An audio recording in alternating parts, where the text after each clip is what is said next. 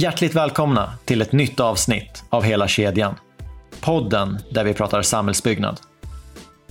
Mitt namn är Nima Asadi och om ni vill komma i kontakt med mig så funkar det alldeles utmärkt via poddens kanaler på sociala medier samt via hemsidan.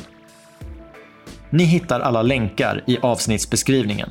Eller så kan ni gå in på respektive plattform och söka på hela kedjan så hittar ni rätt.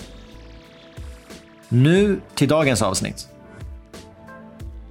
Varje kommun ansvarar för att planlägga sina mark och vattenområden med hänsyn till natur, kultur, miljö och klimat. Länsstyrelsens roll är att samordna olika samhällsintressen och statliga myndigheters intressen och se till att nationella mål får genomslag i länet. Raderna kommer från Länsstyrelsen Stockholms hemsida och även om beskrivningen kanske är klockren för en del av er som lyssnar, så har i alla fall jag inte varit helt säker på vad Länsstyrelsen gör förrän jag träffade min nästa gäst. Vi pratar om Länsstyrelsens uppdrag, samspelet mellan Länsstyrelsen och kommunerna i Stockholm, hur planprocessen kan bli mer effektiv och en hel del andra frågor som jag äntligen fick svar på. Låt mig presentera planchef på Länsstyrelsen i Stockholm, Tatjana Joksimovic.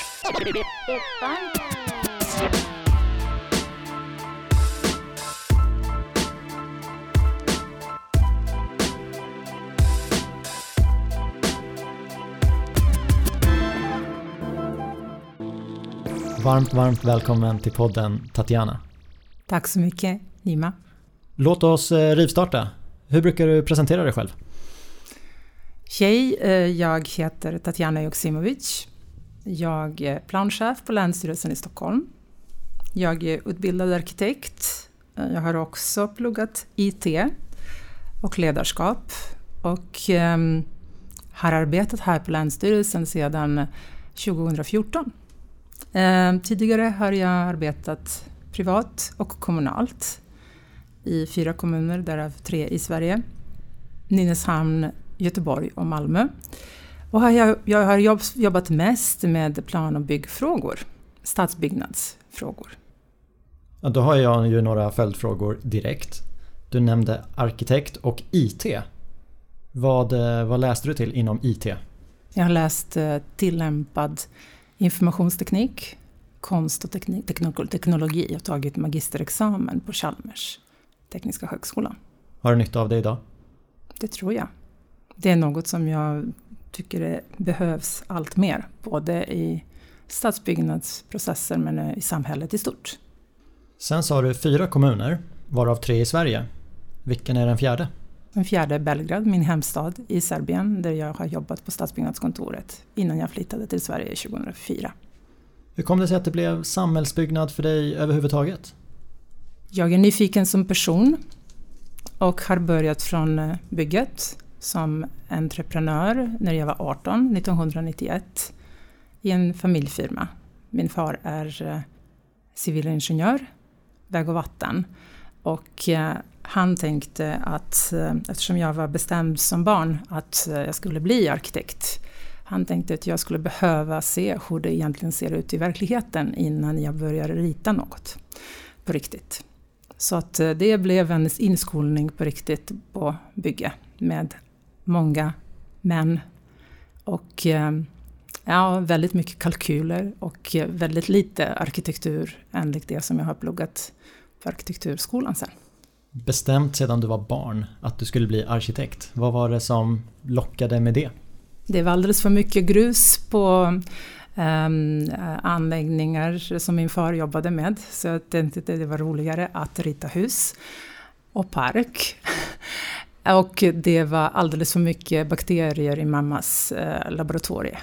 Så att eh, det, var, det var något som jag tänkte var mest min grej. Hus och städer, det var det som jag var intresserad av. Och människor, många människor i städer. Det ska vi prata om idag. Du nämnde att du har varit eh, på Länsstyrelsen sedan 2014. Vad gör Länsstyrelsen? Fråga 1. Och fråga 2. Vad är det för skillnad på Länsstyrelsens arbete och kommunernas arbete? Fråga 2. Jag håller mig till plan och byggfrågor för att det ska bli eh, någorlunda avgränsat eh, som jag jobbar med. Länsstyrelsen är en statlig myndighet som eh, har ett uppdrag enligt en särskild förordning eh, som heter Länsstyrelseinstruktion och eh, ett antal lagar som vi har att jobba eh, och följa eh, och se till att de får genomslag i Stockholms län. Det finns 21 länsstyrelser i Sverige idag och har funnits länge. Vi är en länk mellan kommunerna, statliga myndigheter och regeringen. Vår uppdragsgivare är då regeringen och vi är regeringens företrädare i Stockholms län. Vi har en väldigt speciell roll i Stockholms län att se till att nationella mål, nationell politik eh, får genomslag i länet. Vi har ansvar att bevaka att eh, tillämpning av lagar och regler eh, blir till, ge råd och stöd till kommuner och enskilda. Samordna statliga intressen i länet. Men vi har inte bara envägskommunikation. Vi har en viktig roll också att följa utvecklingen i länet och återkoppla till regeringen om olika behov i länet. Det kan handla om till exempel om bostadsmarknaden, det kan handla om bostadsbyggande, det kan handla om andra frågor som berör utöver plan och byggfrågor som vi pratar mest om idag, eh, om arbetsmarknaden och det kan handla om miljöfrågor och ett antal andra områden. Det låter som att det finns att göra. Absolut, och särskilt i coronatider där vi har ett, även geografiskt ansvar för eh, att samordna insatser i länet för att vi ska klara både krisen och en återhämtning på ett bra sätt. Vi kan komma in på det lite senare igen. Jag tänkte fråga om samspelet mellan Länsstyrelsen och, och kommunerna. Du nämnde att ni ska, ni ska både stötta och bevaka. Hur, hur går det till? Ja, det är ju, rådgivning och vägledning är en väldigt viktig funktion som vi har. Till exempel om ehm, en kommun som har planmonopol. Eh, det betyder i praktiken att en kommun har möjlighet att bestämma hur mark och vattenområden ska användas. Eh, att pröva det genom planprocesser till exempel. Att eh, bevilja eller avslå eh, bygglov, marklov, rivningslov och liknande. Eh, kommunerna har även ansvar för bostadsförsörjning. Alltså alla dessa områden, eh, alla dessa ansvar innebär också att staten genom länsstyrelse har möjlighet och plikt att till exempel bidra med planeringsunderlag genom en digital information på, som finns på vår webbplats. Där kommunerna och alla intresserade kan hämta information och se vad gäller på min fastighet eller vad gäller för det här området som jag bör ta hänsyn till. När det handlar om till exempel fornlämningar eller när det handlar om eh, eh riksintressen eller när det handlar om strandskydd. Som ett antal exempel som vi har i Stockholms län som är en stor skärgård. Eh, med väldigt speciella förutsättningar och väldigt mycket vatten, sjöar och vattendrag. Vi har eh, också uppdrag att följa upp utvecklingen i länet. Till exempel utmaningar eller svårigheter.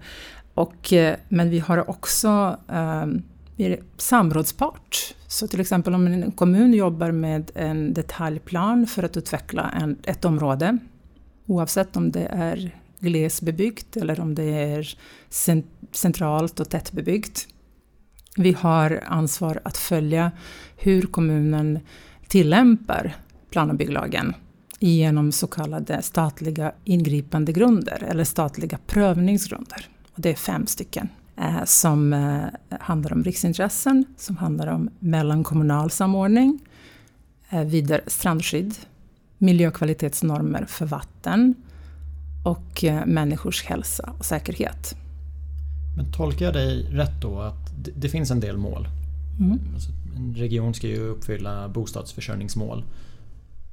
Och då är det kommunen som väljer att här vill vi bygga ett bostadsområde och då kommer ärendet till Länsstyrelsen där ni kollar att ja men funkar det här enligt de lagar och de mål vi har? Det är inte så att ni föreslår att här tycker vi att ni borde bygga ett bostadsområde. Är jag rätt på det då? Exakt, vi får inte rita planer. Vi får inte författa planer. Eh, Länsstyrelsen är inte planeringsmyndighet. Det är inte Länsstyrelsen som fastställer planer, det är kommunerna som har självstyre och planmonopol. Det är kommunerna som har också um, ansvar att ha aktuella översiktsplaner som är kommuntäckande. Eh, så att man, en kommun kan pröva även bygglov utanför planlagt område genom en detaljplan. Ehm, men vi har den här kontrollerande eh, roll som tillsynsmyndighet för att se till slut när en detaljplan är klar. Uppfyller den lagkrav utifrån de här statliga prövningsgrunder? Men under processen, från början, har vi också möjlighet att verka för att nationella mål, till exempel som handlar om transportpolitik eller som handlar om gestaltad livsmiljö eller som handlar om ehm, andra mål som är uttryckta i vår Länsstyrelsens instruktion. Jag kan nämna några det handlar till exempel om ehm, frågor som ehm, regional tillväxt, infrastrukturplanering, Eh, energi, klimat, kulturmiljö. Så vi har möjlighet att vara proaktiva och den typ av proaktivitet ehm, gör vi rent praktiskt i form av kommunmöten och tidig planeringsdialog som en form för rådgivning och uppföljning. Vad kommunerna jobbar med, hur um, deras uh, ambitioner ser ut att till exempel klara bostadsförsörjningen uh, framöver. Vilka områden tänker kommunerna exploatera eller eh, pröva i, en, i form av detaljplaner. Vilka statliga intressen berörs som till exempel konkurrerar med varandra där vi behöver kanske ta kontakt med Trafikverket eller någon annan myndighet, till exempel Försvarsmakten, för att se till hur dessa intressen, så kallade statliga intressen eller riksintressen, kan tillgodoses samtidigt när kommunen vill planera och bygga något nytt. Nu berättar ju du hur ni jobbar i Stockholm med tidiga dialoger och vissa möten du har erfarenhet från tre olika kommuner. Arbetar man på samma sätt? Jag, jag förstår att uppdraget förmodligen är samma, men jobbar man på samma sätt? För några år sedan, så, kanske för fem, sex år sedan, så um, har vi fått ett, uh, ett uppdrag uh, tillsammans med länsstyrelserna tillsammans och uh, Sveriges kommuner och regioner, tidigare Sveriges kommuner och landsting, att um, hitta arbetssätt som är, som är eh, metodiska, systematiska, som förebygger att eh, till exempel eh, planerna eh, tar mycket längre tid eller eh, att vissa frågor kommer för sent i processen. Eh, och vi har hittat former och testat med våra testkommuner. I snart 25 år har vi jobbat med det. Vi har börjat med Stockholms stad. Eh, vi har fortsatt med Haninge, Norrtälje och Järfälla som kommuner som har lite olika utmaningar och utifrån statligt perspektiv både berör infrastruktur men också förtätningar i kollektivtrafiknära lägen. Och Norrtälje som en kommun som har väldigt stor yta eh, som tar väldigt stor yta i anspråk och som berör både stad och land eh, problematik.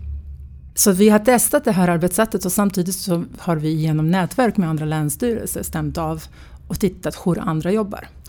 Mina erfarenheter från andra län eh, som tidigare planarkitekt eh, i Malmö, Göteborg och som planchef och plan och bygglovschef i Nynäshamns kommun där jag jobbade tidigare har gett mig också en kundperspektiv eller brukarperspektiv eh, i kontakter med Länsstyrelsen Stockholm innan jag började jobba här men också eh, med Länsstyrelsen i Skåne och Länsstyrelsen i Västra Götaland. Och vi har självklart tittat också eh, Göteborgsmodellen och Skånemodellen men vi har också utgått från de regionala behov som finns här och byggt upp just ett system som passar till våra kommuner. Både frekvens och eh, arbetssätt.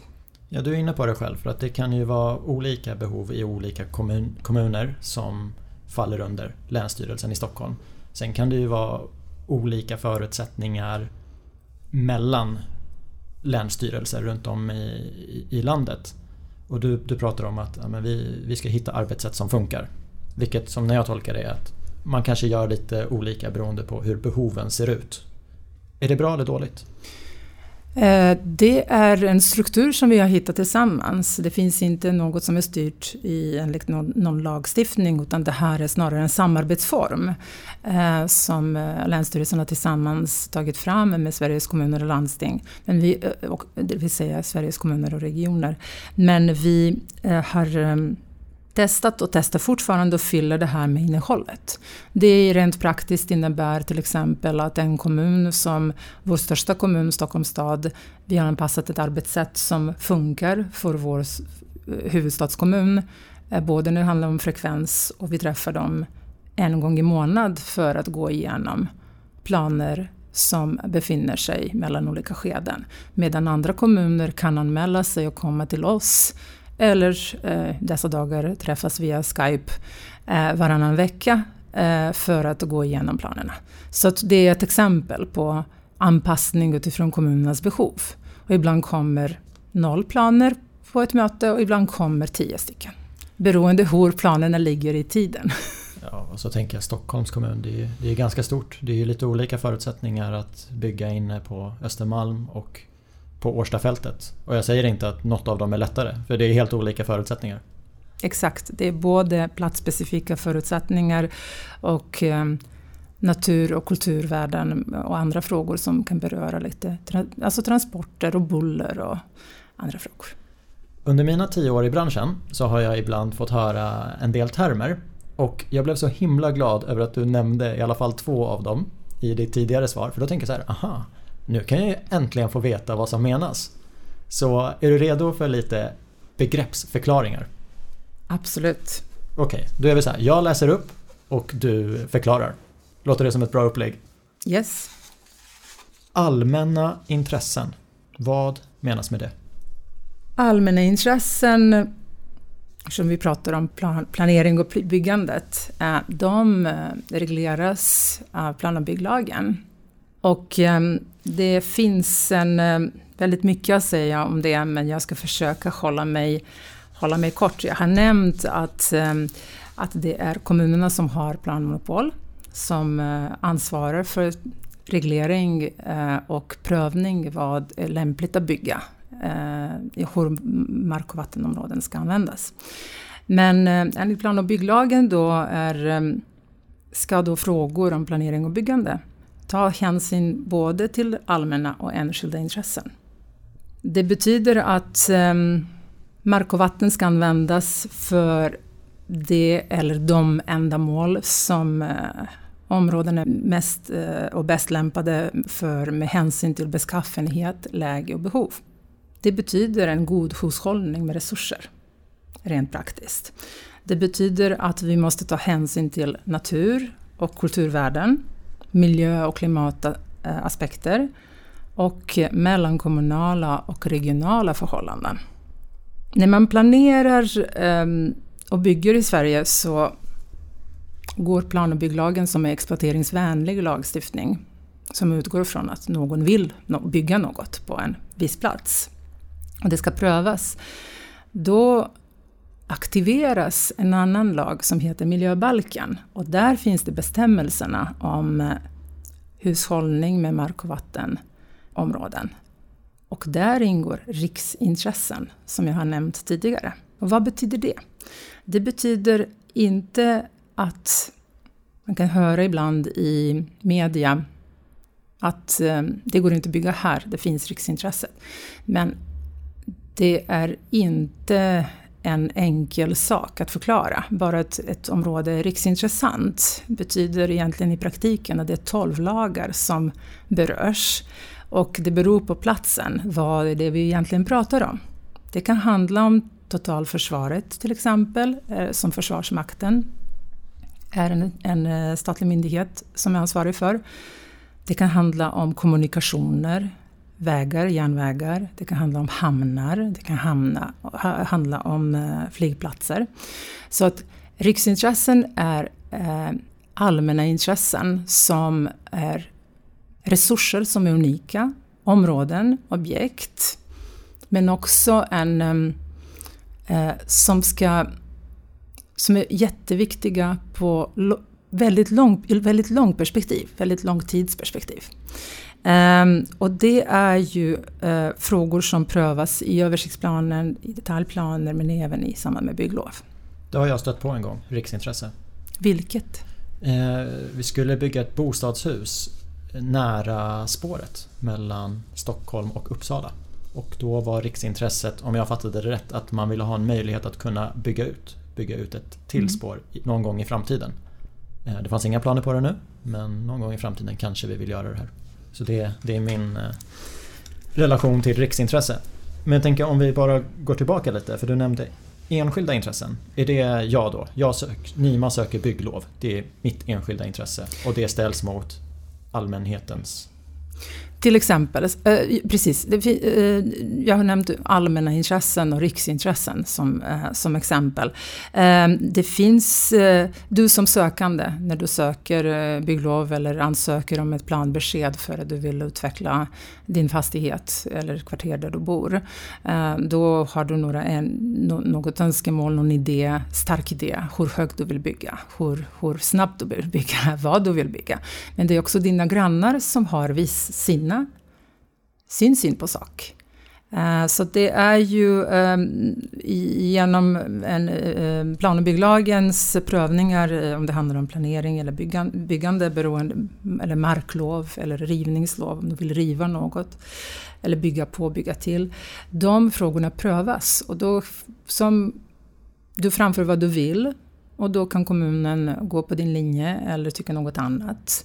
Och så om du vill göra en detaljplan så kommer Länsstyrelsen under samråd ha möjlighet att tycka till om det är lämpligt utifrån statligt perspektiv. Och grannarna som bor bredvid dig kommer ha möjlighet att också skriva och lämna synpunkter och säga nej men vi tycker inte det här är bra eller vi tycker det här är bra men lägg till det här eller så. Och så har kommunen då möjlighet att genom planprocessen bearbeta och politikerna har, förtroendevalda har möjlighet att fatta ett beslut. Till slut, ja, Nima får bygga så här, eller Nima får inte bygga så här. Och så har du möjlighet och dina grannar, om de är missnöjda, om deras synpunkter är eh, inte tillgodosedda, de har möjlighet att överklaga. På samma sätt när den här detaljplanen är klar, när kommunen antar en detaljplan för ditt, för ditt eh, drömbygge, så eh, har Länsstyrelsen då möjlighet att göra tillsyn och plikt att ta in planen för prövning om den inte följer lagstiftningen. Men jag tänker om jag vill bygga och så säger kommunen ja, då kommer ju ärendet komma till er. För ni ska ju bevaka. Men om kommunen säger nej, då kommer inte ärendet till er om det inte är så att jag överklagar det. Är jag rätt på det? Ja, så det, eh, detaljplanen, där får vi se mm, en detaljplan eh, på samråd, på granskning och vid antagande. Om det är ett bygglov, om ingen överklagar det, så kommer det inte till Länsstyrelsen. Utan då, får, då vinner laga kraft eh, bygglovet. Så att eh, om någon är missnöjd så kommer det till oss, man kan säga. Och eh, eh utifrån, eh, när det handlar om detaljplaner så kommer det alltid till oss. Eh, men vi, har, vi är inte överklagande instans för detaljplaner längre. Den, där har lagen eh, förändrats sedan några år tillbaka så de går direkt till Mark och miljödomstolen. Jag vet att det här är lite svårt men du får gärna ställa följdfrågor om du vill. Eh, så kan jag försöka förklara. Jag förstår ju mer nu än vad jag gjorde innan. Det, det är helt klart. Men jag tänkte bara, för jag frågade vad betyder allmänna intressen? Men det finns ju varianter på det. Jag har ju hört allmänhetens intresse, allmänintresse. Är de här tre samma sak? Ehm, ja och nej. Jag pratar här om lagtext, eh, plan och bygglagen.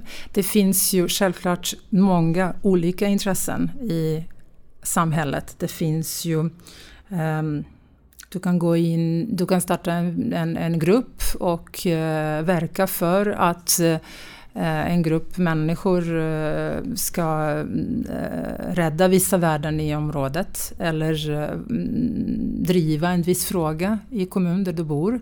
Och det är en, en typ av organisering som är en typ av allmänhetens intressen.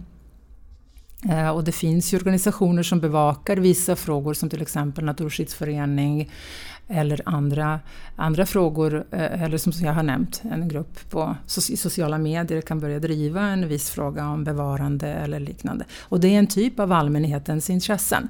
Men i, i, i plan och bygglagens mening så allmänna intressen det är de som, som är eh, tydliga enligt lagtext. Och jag har nämnt riksintressen som ett exempel på, på intressen som Länsstyrelsen bevakar. Eller um, det finns en angel, angel, ett angeläget allmänt intresse som heter bostadsförsörjning. Och den är ju något som Länsstyrelsen ska verka för. Och ibland så kan just önskemål från kommunerna bygga på en viss plats och gå stick i stäv med något annat intresse som är också statligt. Och då har Länsstyrelsen möjlighet att göra en avvägning. Är det viktigare att bygga bostäder här eller är det viktigare att bygga något annat?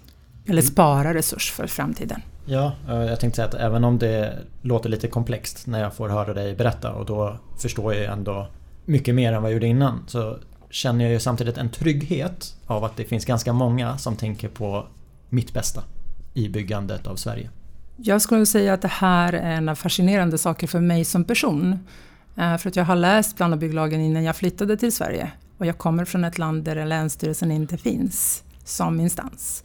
Eh, och just det här ehm, både rådgivande och tillsynsrollen och landskap av olika allmänna intressen eh, gör att eh, just frågan om avvägningar som är så svår får prövas och flera får tycka till. Så det finns ju goda chanser att fatta kloka beslut för beslutsfattare och få väldigt mycket faktaunderlag för att se okay, vad staten vill här till exempel. Är det viktigare med väg och järnväg eller är det viktigare med, med bostäder eller hur egentligen den här ekvationen ska gå ihop? Hur går det att bygga så nära som möjligt statliga vägar till exempel och järnvägar och få en, en bra miljö för människor att trivas så att vibrationer inte blir för starka och att eh, till exempel eh, buller blir inte eh, för alldeles förstörande och så vidare. Jag känner mig trygg. När jag ringde dig och frågade om du ville vara med i podden så kom vi även in på Har du några hjärtefrågor? Och då nämnde du, och då får du rätta mig om jag missförstått citatet, att en av dina hjärtefrågor är hur god arkitektur, hållbar fysisk planering och allmänna intressen hänger ihop. Så då får du gärna berätta, hur anser du att de här hänger ihop och varför? Ja, det är inte så konstigt att en utbildad arkitekt eh, gillar arkitektur. Det är lite som en läkare som är besatt med hälsa eller en jurist som eh, eh, älskar um, lagar och eh, läser om det på, fram, på, i, på sin fritid. Eh, ett av våra strategiska målen i eh, för Länsstyrelsen Stockholm är ju ett län med attraktiva livsmiljöer. Det är såklart viktigt att det som byggs idag inte uppfyller bara dagens behov utan att det blir långsiktigt eh, attraktivt, funktionellt estetiskt tilltalande och att eh, det bidrar också till positiv eller neutral påverkan på klimat och miljö. Så alla dessa frågor och avvägningar som görs, att det blir eh, att tillgodose behov som finns eh, i människor i dagens samhälle, men om vi tänker några år framåt, det beräknas att det ska bli en miljon flera människor till år 2050 enligt regional utvecklingsplan för så kallad RUFS 2050 för Stockholms län. Det är ju en väldigt stor förändring så vi kanske inte kan föreställa oss dessa dagar. Men eh, det är så prognoserna ser ut enligt senaste RUFSen, aktuell eh, plan för utveckling av eh, regionen. Och då är frågan, hur ska det här samhället fungera?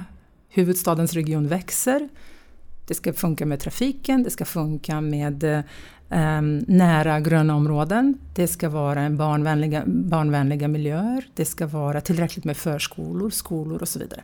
Så att eh, planering och byggande kan vara en del av lösningen och det i bästa fall ska bidra med väldigt bra och eh, hållbara lösningar som funkar i dagens samhälle men som också inte skapar flera problem utan snarare som kan funka även för flera generationer framåt.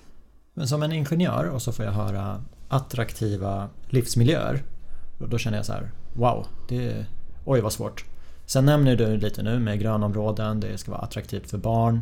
Har ni en lista på det är de här 20 delarna som ingår i en attraktiv livsmiljö. För jag kan tycka att det är ganska svårt för mig som inte kan det att värdera det idag. Och ännu svårare att tänka hur ser samhället ut om 50 år och vad är attraktivt då? Hur jobbar ni med det? Det är väldigt mycket som vi inte vet men det är också väldigt mycket som vi vet. Ehm, det finns både forskning och ehm, forskningsstudier. Vi har ju väldigt många kunniga i Sverige och eh, i Stockholms län. Det är kompetenstätt eh, län och kompetenstätt land där det finns väldigt många experter inom områden, inom olika områden. Eh, till exempel hälsa, barnens hälsa, vad, vad gäller friluftslivet och så vidare. och så vidare. Vad vi mår bra av. Och, det finns ju väldigt många studier som visar vad det är egentligen som människor behöver för att de ska må bra och leva länge. Och, um, det pratas mycket om psykisk hälsa till exempel, välmående och så vidare. Så att för att det ska bli en attraktiv ett attraktivt län för, för många, för alla, välkom, välkommande och eh, där alla människor kan känna det är attraktivt att bo, det är attraktivt att komma, det är attraktivt att göra affärer, att studera, gå i skolan och så vidare.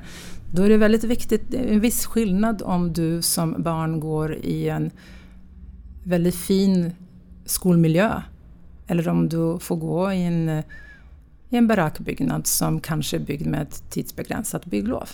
Det är en viss skillnad hur du kommer att uppleva dina dagar där. Och det finns studier på det som visar att barnen mår bra. Och det vet ju föräldrarna också.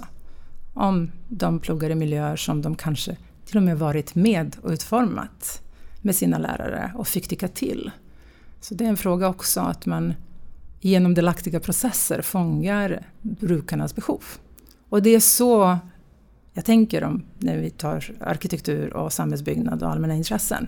Fånga behov som finns, skapa delaktighet genom demokratisk process som vi har i Sverige. Ta fram faktabeslut som beslutsfattarna kan tycka till och eh, processa och fatta beslut som kan bidra till att det blir en bra skolmiljö med tillräckligt mycket yta för barn att springa men också att kunna ha kanske inte bara soliga ytor där man eh, ska eh, vistas utan kanske lite skuggiga miljöer eller lite tysta miljöer där man kan sitta på en bänk kanske och plugga och umgås efter skolan med sina, med sina vänner. Men utan att veta så tänker jag att om man frågar människor Ja, vill du helst att din dotter eh, går i skolan i en barack eller i en riktig byggnad om, vi kallar det så. Då tror inte jag att det är så många som säger att en barack går bra. Sen kommer du in på kvadratmeter per skolbarn. Ja, men ska det vara 7,5 kvadrat per skolbarn eller ska det vara 10? Ja, men det blir lite svårare. Men jag tänker mer när vi pratar attraktiva livsmiljöer. För det finns ju, om vi tar Stockholm. Eh, jag brukar promenera i Hagastaden till exempel och det finns fler exempel så vi ska inte hänga ut någon stadsdel. Men Husen är ju ibland ganska tätt med varandra. Och jag brukar känna så här, ja men vad jobbigt, då måste jag ha persiennerna nere hela tiden. Men samtidigt, eftersom att det är så tätt så kan fler människor bo där. Och det kanske är ett plus för att om vi tar Hagastaden, det är nära till Hagaparken. Så de här avvägningarna, det mm. undrar jag lite så här, hur, hur ni jobbar med det. Just det exempel som du tar upp, eh, det är ett exempel på överdäckning. Eh, du vet hur Hagastaden såg sett ut innan den, den eh, första delen har byggts genom en förtätning som innebär väldigt små gårdar för de boende och barn. Och det är en avvägning mellan exploateringsintressen och andra aspekter. Samtidigt så har vi fått till exempel i år en ny lagstiftning och det är ju barnkonventionen, eh, det vill säga Förenta Nationernas konvention om barnens rättigheter som har blivit en svensk lag. Och just nu så har Boverket ett uppdrag att kartlägga och analysera hur praktiskt tillämpas barnkonventionen i fysisk planering. Det här kanske är svar på din fråga. Eh, regeringen och riksdag tycker den här frågan är viktig. Det är viktigt att barnens eh, rättigheter beaktas och inklusive i fysisk planering. Och det här är en fråga som eh, nu, nu finns på bordet och det finns en vilja att undersöka det och få ett bra underlag och se hur regeringen vill jobba med den här frågan ytterligare.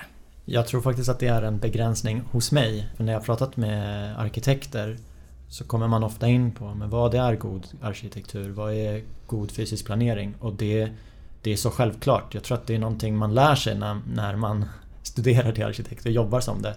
Men för mig som, jag hade inte det i min utbildning då jag ändå läst civilingenjör, byggprojektledning. Så det är ett av de områdena där vi i branschen där vi jobbar tillsammans men där vi inte riktigt har eh, samma förståelse. Så det var lite därför jag är mest intresserad av hur, hur, hur gör man de här avvägningarna? Vilka, finns det en punktlista med vad man väger in när man ska avgöra om det är god arkitektur eller inte? För svaret är ofta så här, men, men du, du vet vad det är. Du vet ju vad du blir glad av. Ja, jag, jag vet, när jag ser ett hus så blir jag glad. Men det är inte alltid jag vet vilka detaljer det är som gör mig glad. Och det tror jag att ni arkitekter har en helt annan kompetens kring. Planering och byggande är så komplext och den är ju när det är som bäst så visar det en summa av alla kompetenser som varit med. Just som när man ser ju brister i miljöer eller som man ser ju eh, glappar eh, mellan till exempel fastighetsgräns och vem sköter vad till exempel. Då kan man se, okej, okay, här har det brustit i någonting. Eh, vem, vem röjer snö och vem, vem ansvarar eh, för att klippa gräs och liknande. Bara att nämna det. Så att, eh, absolut, det är ju de här eh, kompetensen är otroligt viktig men som sagt, vi får inte glömma bort det är kommunerna som har taktpinne när det handlar om planering och användning av mark och vattenområden och det är ju demokratiska processer där förtroendevalda har sista ordet när det handlar om kommunala beslut som kan prövas sen vidare av olika instanser om man är missnöjd. Så det har ju rättsväsende som, som där man kan ju eh, till exempel alltså överklaga och få sin sak prövad. Um, vad jag ville säga är att eh, den här summan av olika kompetenser från eh, risk och säkerhet till kulturmiljö, till naturvården, olika typer av inventeringar som görs, till ingenjörskunskap olika inriktningar. Det är alltihopa jätteviktigt. Så att eh, arkitekter är del av detta, men ingenjörer och alla andra miljöhandläggare, kulturmiljökunniga och många andra har väldigt viktig roll för att det ska bli bra. Och där gjorde du precis ett upplägg för mig att säga det är viktigt att vi tänker på hela kedjan. Jag var inne på Länsstyrelsens hemsida och hittade ett citat som jag tänker att jag läser upp. Och där står det så här. Varje kommun ansvarar för att planlägga sina mark och vattenområden med hänsyn till natur, kultur, miljö och klimat. Länsstyrelsens roll är att samordna olika samhällsintressen och statliga myndigheters intressen och se till att nationella mål får genomslag i länet. Och min ursprungsfråga var ju kan du berätta om det här? Men det tycker jag att du redan har gjort. Så kan vi inte prata om, är det en bra fördelning? Ja, så har det funkat sedan 1987. Ehm, är det bra fördelning i ansvaren? Ja, ja det är ju... Um... Om du fick fria händer? Hade, hade du delat upp det så?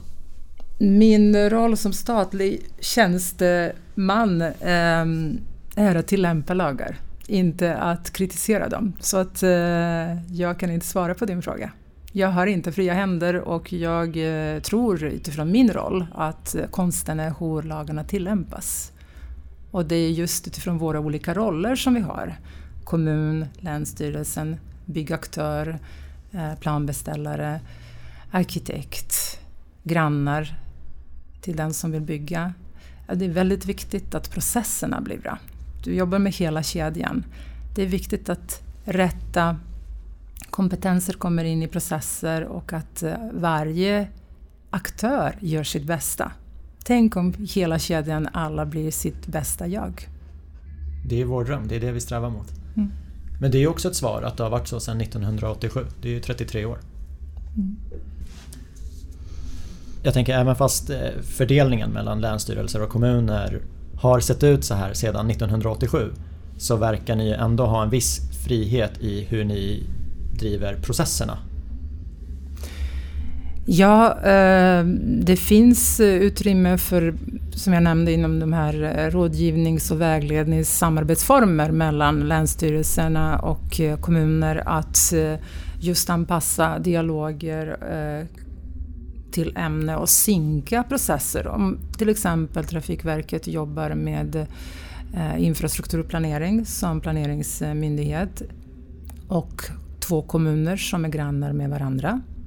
Då kan vi till exempel från Länsstyrelsens sida sitta, ta med alla och se okej, okay, hur det ser ut, eh, vad, vem bör göra vad, hur det här ser ut i, i tiden och liknande.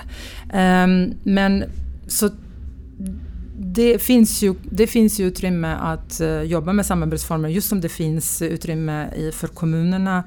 Um, för det är stora organisationer som jobbar med komplexa frågor.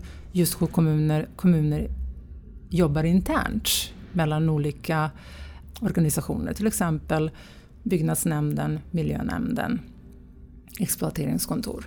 Det är också jätteviktigt hur kommunen internt jobbar med varandra. Då kommer vi in på, på min nästa fråga. För jag undrar hur Länsstyrelsen arbetar för att effektivisera planprocessen. För man hör ju oftast att ja, de här planprocesserna tar tid. Och jag säger inte att det är Länsstyrelsens del som tar tid, men länsstyrelser, kommuner och sånt, det brukar ju grupperas ihop ibland. I alla fall när man är på byggsidan. Så hur, hur jobbar du och ditt gäng för att effektivisera planprocessen? Vi har gått en, eh, eh, en del av den här digitaliseringsresan, både internt och gör det tillsammans med eh, våra eh, statliga eh, andra statliga eh, myndigheter som Lantmäteriet och Boverket och flera andra. Ehm, till exempel under de här sex år som jag har varit ansvarig för planverksamhet här på Länsstyrelsen så har vi avvecklat ehm, planarkiv i princip. Eh, och ehm, vi har jobbat digitalt Eh, vi producerar inga pappershandlingar och vi tar emot allt digitalt från våra kommuner. Det var första steget. Den andra var, ju, som du har nämnt, eh, att eh, jobba med tid och korta handläggningstider. Vi har kortat ner väsentligt handläggningstider för detaljplaner. Om man tänker 2012 så hade vi ungefär 66 dagars genomsnittlig handläggningstid på samråd Idag har vi mellan 30 och 40 dagar beroende på planernas komplexitet. Samtidigt har planerna blivit större och mer komplexa i svårare lägen där flera kom intressen kommer i konflikt med varandra.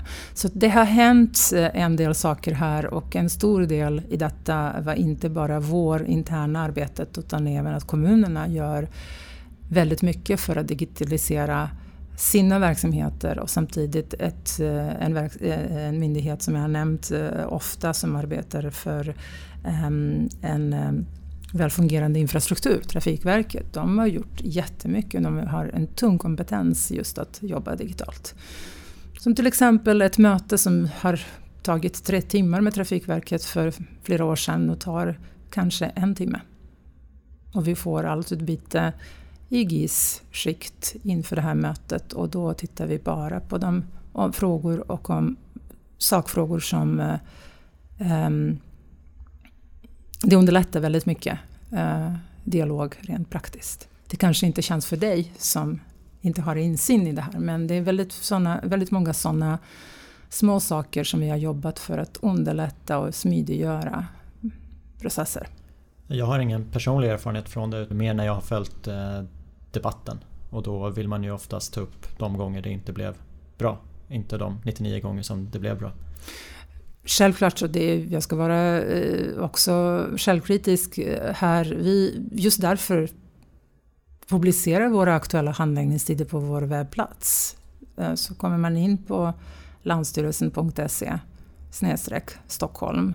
Då finns en liten ikon och det står ju aktuella handläggningstider både för detaljplaner och för eh, ett, ett antal utvalda ärenden. Så kan man se vad är det som är aktuellt. Det följer vi regelbundet.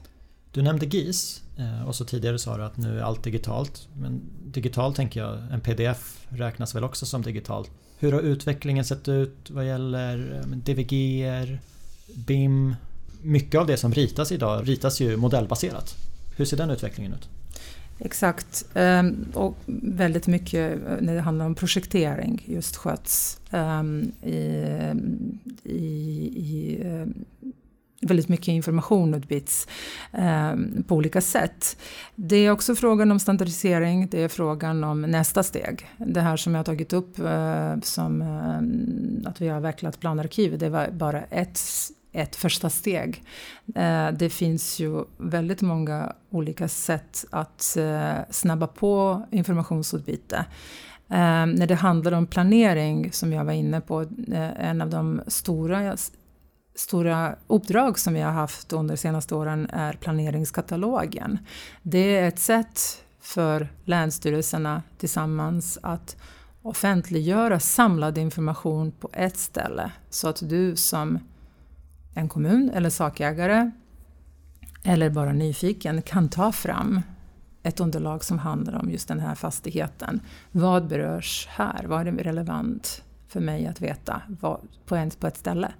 Och det arbetet är på gång. Um, och det är ju lite quick fix som vi eh, jobbar med att tillgänglig, tillgängliggöra information. Och vi tittar ständigt på lite olika exempel. Hur kan vi snabba på informationsutbyte. Eh, Boverket har ett uppdrag också att titta på eh, hur detaljplaner kommer att se ut framöver. Lantmäteriet har ett uppdrag nationellt att driva en eh, smidig och sammanhållen eh, samhällsbyggnadsprocess. Så det är väldigt mycket på gång. Eh, och vi har vågat testa olika sätt, både inom tidigare lean och agila metoder just för att se hur informationen kan utbytas och på vilket sätt. Du har nämnt komma in tidigare i processen. Du har nämnt digitaliseringsarbetet. Finns det några andra pågående projekt eller utredningar som ni kikar på för att bli ännu bättre tittar ständigt på hur vi, både vad det är som är aktuellt och vi har samarbete med andra länsstyrelser på temat. Eh, när det handlar om pågående utredningar eh, och uppdrag eh, det arbetet som jag har nämnt som Lantmäteriet och Boverket jobbar med, där har vi möjlighet både att eh, vara med på seminarier, delta på workshops ibland, men också vi är remissinstans och kan ha möjlighet att lämna synpunkter när myndigheterna kommer med förslag eller i samband med um, särskilda offentliga utredningar som görs på temat. Um, det finns uh, ett uppdrag som Boverket har just nu uh, om um, möjligheternas regler, titta över uh, regelverket. Det finns eh, en nyligen tagen uppdrag som är gjorts modernare byggregler som varit på remiss. Ehm, just nu pågår ett uppdrag eh, som Boverket, Naturvårdsverket och flera andra har att eh, utreda att antalet riksintressen ska minska. Det uppdraget kommer i september 2021 så det ska bli spännande att följa. Så allt detta som pågår, eh, vi följer upp och ehm, ständigt bevakar hur vad detta betyder rent praktiskt och vad, hur vi kan förbättra vårt arbetssätt gentemot kommunerna men också internt och för enskilda som ringer och frågar om rådgivning eller information i hur lagen tillämpas eller vem gör vad och hur. Utredningen om att eh, minska antalet riksintressen ser jag väldigt mycket fram emot att läsa vad det innebär. Vi börjar närma oss slutet så jag tänkte börja runda av lite där vi började. Du har varit i din nuvarande roll sedan 2014. Vad är du mest eh, stolt över under den tiden? Vad har ni uppnått? Det är otroligt lärande och berikande att jobba på Länsstyrelsen. Ehm, jag har förmånen att arbeta med väldigt många generalister och eh, sakexperter varje dag. Jag är stolt över den här resan som vi har gjort tillsammans hittills. både att utveckla tidiga planeringsdialoger med våra kommuner och eh, ständigt eh, bidra till eh, en mer insiktsfull och kreativ och konstruktiv dialog. Vad är det våra kommuner behöver? Vad är det för behov som finns i länet som vi från Länsstyrelsens sida kan bidra med? Både genom att fånga nya behov eller att lyfta dem till regeringen, eh, att eh, samordna eh, flera aktörer som berörs. Jag ger ett exempel. Jag kommer nu från ett möte med planchefsnätverk som jag har startat för några år sedan. Och just utifrån en insikt som jag hade som plan och bygglovschef i Nynäshamn, där jag saknade och kände mig väldigt ensam ibland och visste inte vem jag kan ringa nu. Jag kunde googla och ringa kollega i en annan kommun. Men det finns ett nätverk med planchefer från 26 kommuner som träffas fyra gånger om år. Och vi pratar om frågor som är aktuella. Det är eh, eh forum för utbyte, och cheferna får ju också kontakt med varandra och kan ju besöka varandra, de går på studiebesök till varandra. Vi träffas ett antal år och jag faciliterar de här mötena, är sammankallande. Det är ett exempel på något som man kan säga, det låter väldigt enkelt men det är inte givet att man måste jobba på det sättet. Sen måste jag säga, det är också otroligt eh, med eh, att se resultat när jag åker från Nynäshamn där jag bor till eh, jobbet eh, med pendeltåget och när jag ser nya stadsdelar växa längs Nynäsbanan, inklusive Norvikshamn. Eh, ja, men det blir lite... Jag blir glad av att se att ja, men det här har jag och mina medarbetare varit med om. Det är en liten bit här som vi har bidragit till. Min sista fråga vi sitter här, det är fredag 29 maj 2020. Vilka utmaningar ser du framåt i din roll och Stockholms utveckling? Vad ser du, vad ser du fram emot? Nu sa jag utmaningar men du, du själv pratade om behov i länet. Liksom, vad är, vilka är de stora behoven som du ser? Bostadsförsörjningen i länet är ju en stor utmaning. Frågor om behov och efterfrågan bostäder, bo, eh, bostäder för eh, de som inte har råd att eh, betala för de marknadspriser som finns nu. Eh, olika former av upplåtelseformer, frågor om, som berör trångboddhet, hemlöshet, klimatmålen, miljömålen. Det finns mycket som jag ser som utmaningar både för länet och eh, men det är ju också något som jag ser fram emot att jobba med i fortsättningen. Du ser fram emot att jobba med det. Jag ser fram emot att följa det. Tack för att du gästade podden. Tack så mycket Nima.